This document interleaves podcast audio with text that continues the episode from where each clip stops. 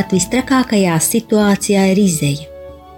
Un, ja šķiet, ka aizslēgtas visas durvis, vēl taču paliek loks. Dzīvē man bija laiks, kad labāk gribējās nomirt, nevis dzīvot. Par savām jaunības kļūdām ir jāmaksā, bet tās vēl nav beigas. Dievs man atvēra logu un dāvāja jaunus spārnus, lai mācos atkal lidot. Viss ir iespējams, tikai tici, ceri un mīli. Dievs ir ar tevi arī tad, kad tu to nejūti. Es to zinu droši. Laura. Šādi vārdi ir uz grāmatas pēdējā vāka.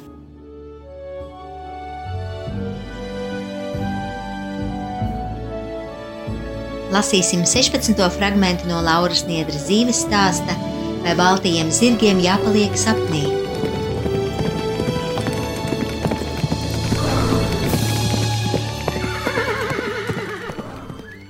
Agri no rīta Lauru pārsteidz vīra un dārtas apciemojums.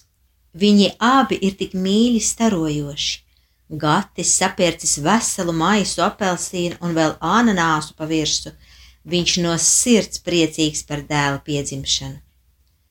Laura brīnās, kā spēja tik viegli paiet pēc šausmīgās nakts. Nav nekādu sāpju. Cik patīkami, ka nav ne plīsumu, ne griezumu. Pēc meitiņas piedzimšanas Laura nespēja pat piecelties, un viņai tik briesmīgi reiba galva. Iet varēja tikai maziem solīšiem kā vecmāmiņa, bet tagad kaut uz balli Palātā Laura safotografēja dēlēnu ar gati. Viņi abi šķiet kā divas ūdenslāsas, un vīrs ir patiešām lepns.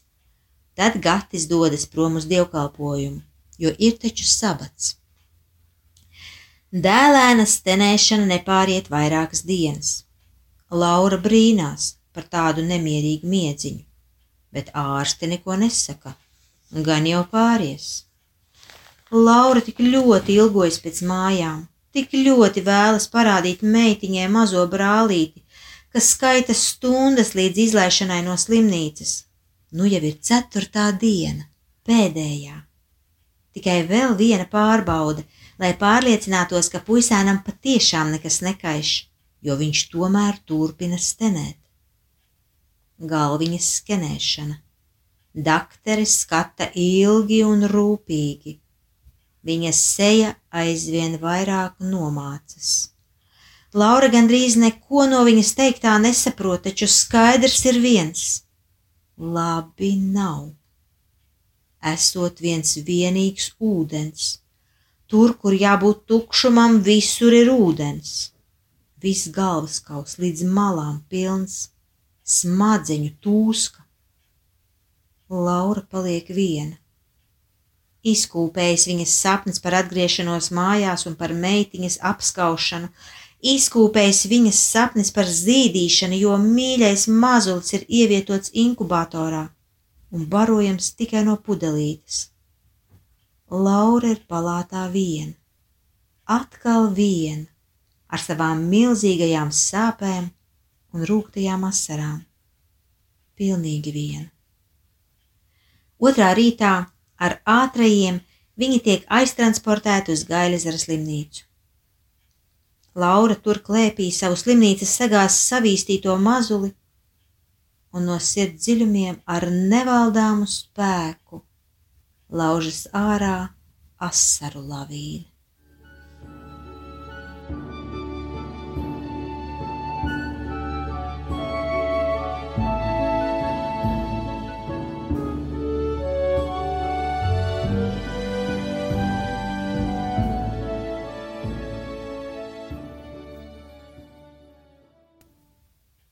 19. marts.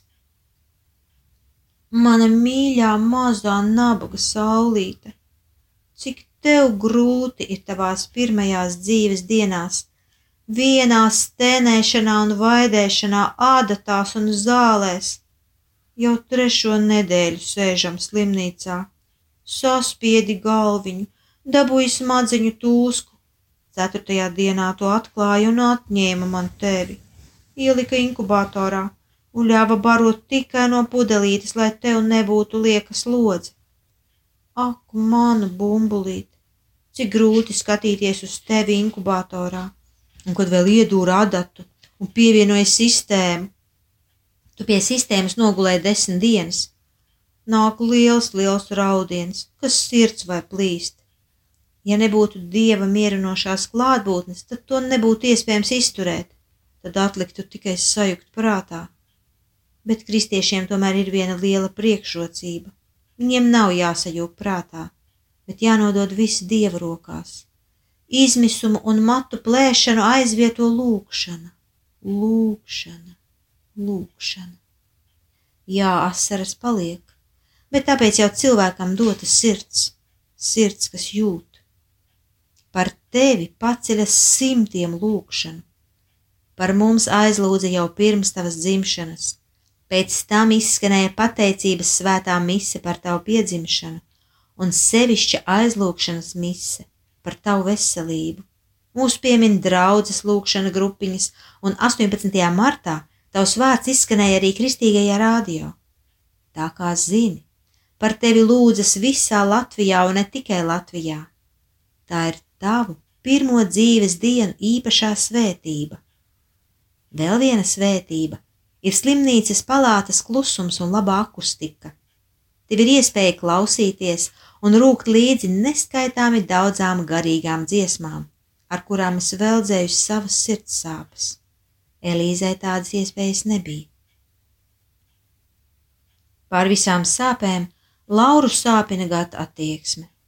Viņš vienīgais domā, ka nekādas aizlūkšanas nav vajadzīgas. Viņš tajā nepiedalās. Un vispār šī slimība nesot patiesība. Daniels nemaz neizskatoties slims. To ir kāds norganizējis. Simt punkti un tā atbalsta vietā Laura no vīra saņem neizpratni un gandrīz vai nosodījumu par to, ka viņa ar veselu bērnu sēž slimnīcā. Taču Danielam nav labi. Smadziņu tūskai ir pievienojies meningīts.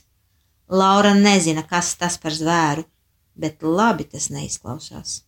Zāles, pārbaudes, smadziņu punkcija un vadu vadiņi pievienoti visās vietās, bet Daniels to visu panes ar mīļu smaidu. Ārsti pat brīnās par tik pacietīgu puisēnu un ir ļoti viņu iemīļojuši. Arī māsiņas labprāt Danielu aptakā, cenšoties no viņa izvilināt šo eņģelisko smaidu. Laura ir nomocījusies un noilgojusies pēc mājām, pēc meitiņas un pēc vīra. Jā, šoreiz arī pēc vīra. Viņa vienkārši augst mīlestības un maiguma. Tik ļoti augst, ka nespēja atrast vietu šajās četrās sienās. Tikai mājās, tikai mājās. Beidzot šī diena ir sagaidīta. Laura brauc mājās. Pagaidām gan pie saviem vecākiem, kur visu laiku mitinājās Jančuks un Elīza. Laurai šķiet, kas sirds izkusīs ilgās pēc savas mazulītes, un interesanti, kā Elīze sagaidīs brālīti. Pēc saldo buču jūras Elžuks tiek aicināts palīgā izģērbt balti saptuntulēto dzīvo lellīti. Cik tas ir aizraujoši, cik ļoti tas meitiņai iet pie sirds.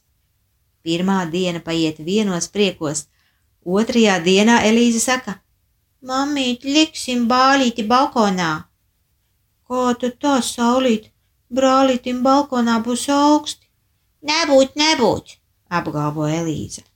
Ak, tu mazā čiepiņa, jau paliek greizsirdīga. Un Laura paņem mīļmeitiņu savā siltajā klēpī kā drošā līgzdiņā. Es tevi tik ļoti, ļoti mīlu, mazā čibuce, viņa iečuks meitiņai austiņā. Es tevi arī mīlu, mamīt, meitucis atčuks pretī. Daniels ir gaužām mierīgs bērns. Šķiet, ka viņš vispār neraud, tikai pēd un guļ, vai arī klusi vēro apkārtni. Īsts eņģelītis, bet, ja gadījumā raud, tad viņam ir tik daudz žēlotāju. Reiz Elīze pieiet pie brāļa un saka: Neļaudi, Daniel, es tev esmu bakām, tevi sagā Dievs, tēti arī sagā Dievs. Tētis ir viskolosālākais, viņu viskolosālāk jāsagā. Cik rūpīga māsiņa, cik mīļi teikts, cik maz vajag bērnam, lai varētu teikt, ka tētis ir viskolosālākais. Redzēt vienreiz nedēļā, vienreiz mēnesī vai pusgadā, saņemt pāris saldu buču un vienkārši mīlēt. Mīlēt no visas bērna sirds. Pārējais paliek apslēpts bērna acīm. Kurš par viņu rūpējas, kurš ceļas naktīs, kurš stāsta pasakas, kurš pērk dāvanas, ved pie ārsta, atdod pēdējo, lai viņam viss būtu.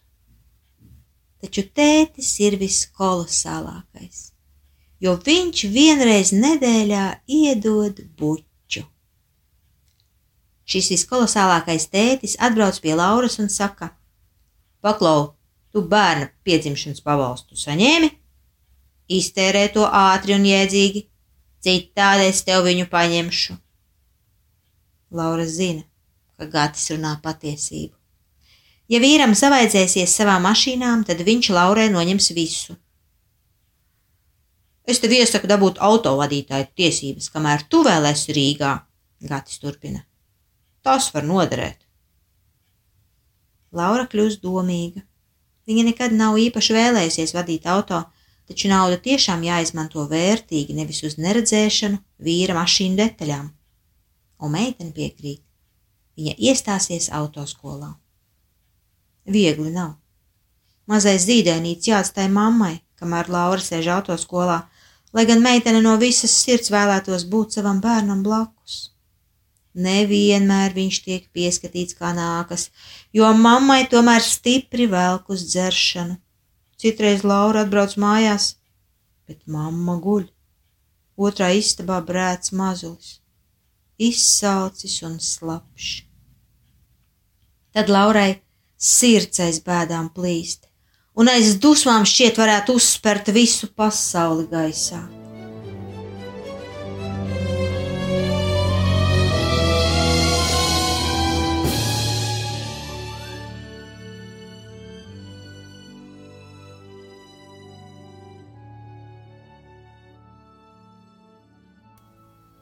Autoskolā sēžot, Laura domā, kā klājas viņas bērniem, un no ilgām pieniņš tek straumītēm.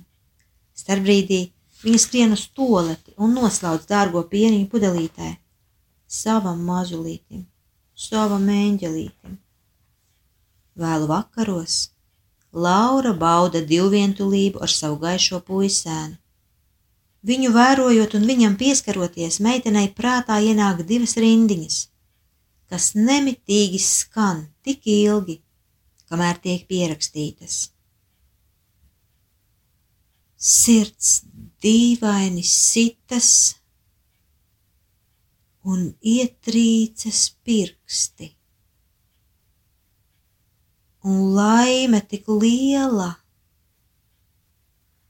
kad vēseles sāp. Turpinājuma nav ir tikai sajūta, ka šī laime ir sāpīga, smeldzīga, bet tik mīļa. Tuvojas eksāmeni. Katru dienu jāmaksā krietnas summiņas gan par eksāmeniem, gan instruktoram, gan par medicīnisko apskati. Un tam visam pa vidu ierodas gatis, vajagot naudu. Laura saka, ka nevarot dot, jo pēc pāris dienām atkal jāiemaksā autoskolā, taču vīrs sadusmojas. Tev vajag pēc pāris dienām, man vajag šodien. Laura nopūšas. Viņa zina, ka ar gati nav vērts strīdēties. Viņš ātri aizsvilstas kā pakulo ērklis. Tāpēc meitene atdod pēdējo. Pēc tam viņa lūdza aizņēmumu no māsas un draudzenēm, lai varētu pabeigt autoskolu. Protams, Gatis nedomā, ka vajadzētu kaut ko atdot. bet pie tā Laura jau ir pieradusi. Nu, Laurai tiesības ir rokā, un arī Jančikam skola beigusies. Vairs nav iemesla palikt Rīgā. Vēl jau vairāk tāpēc, ka Gatis neko no solītās naudas Lauras vecākiem nav maksājis. Nu jau būs iekrājies krietnes parāds. Tā nu Laura atkal pakojas. Šoreiz ceļš ved neierasti tālu, prom no dzimtajām mājām, no vecākiem, no māsiņas, no Rīgas uz laukiem.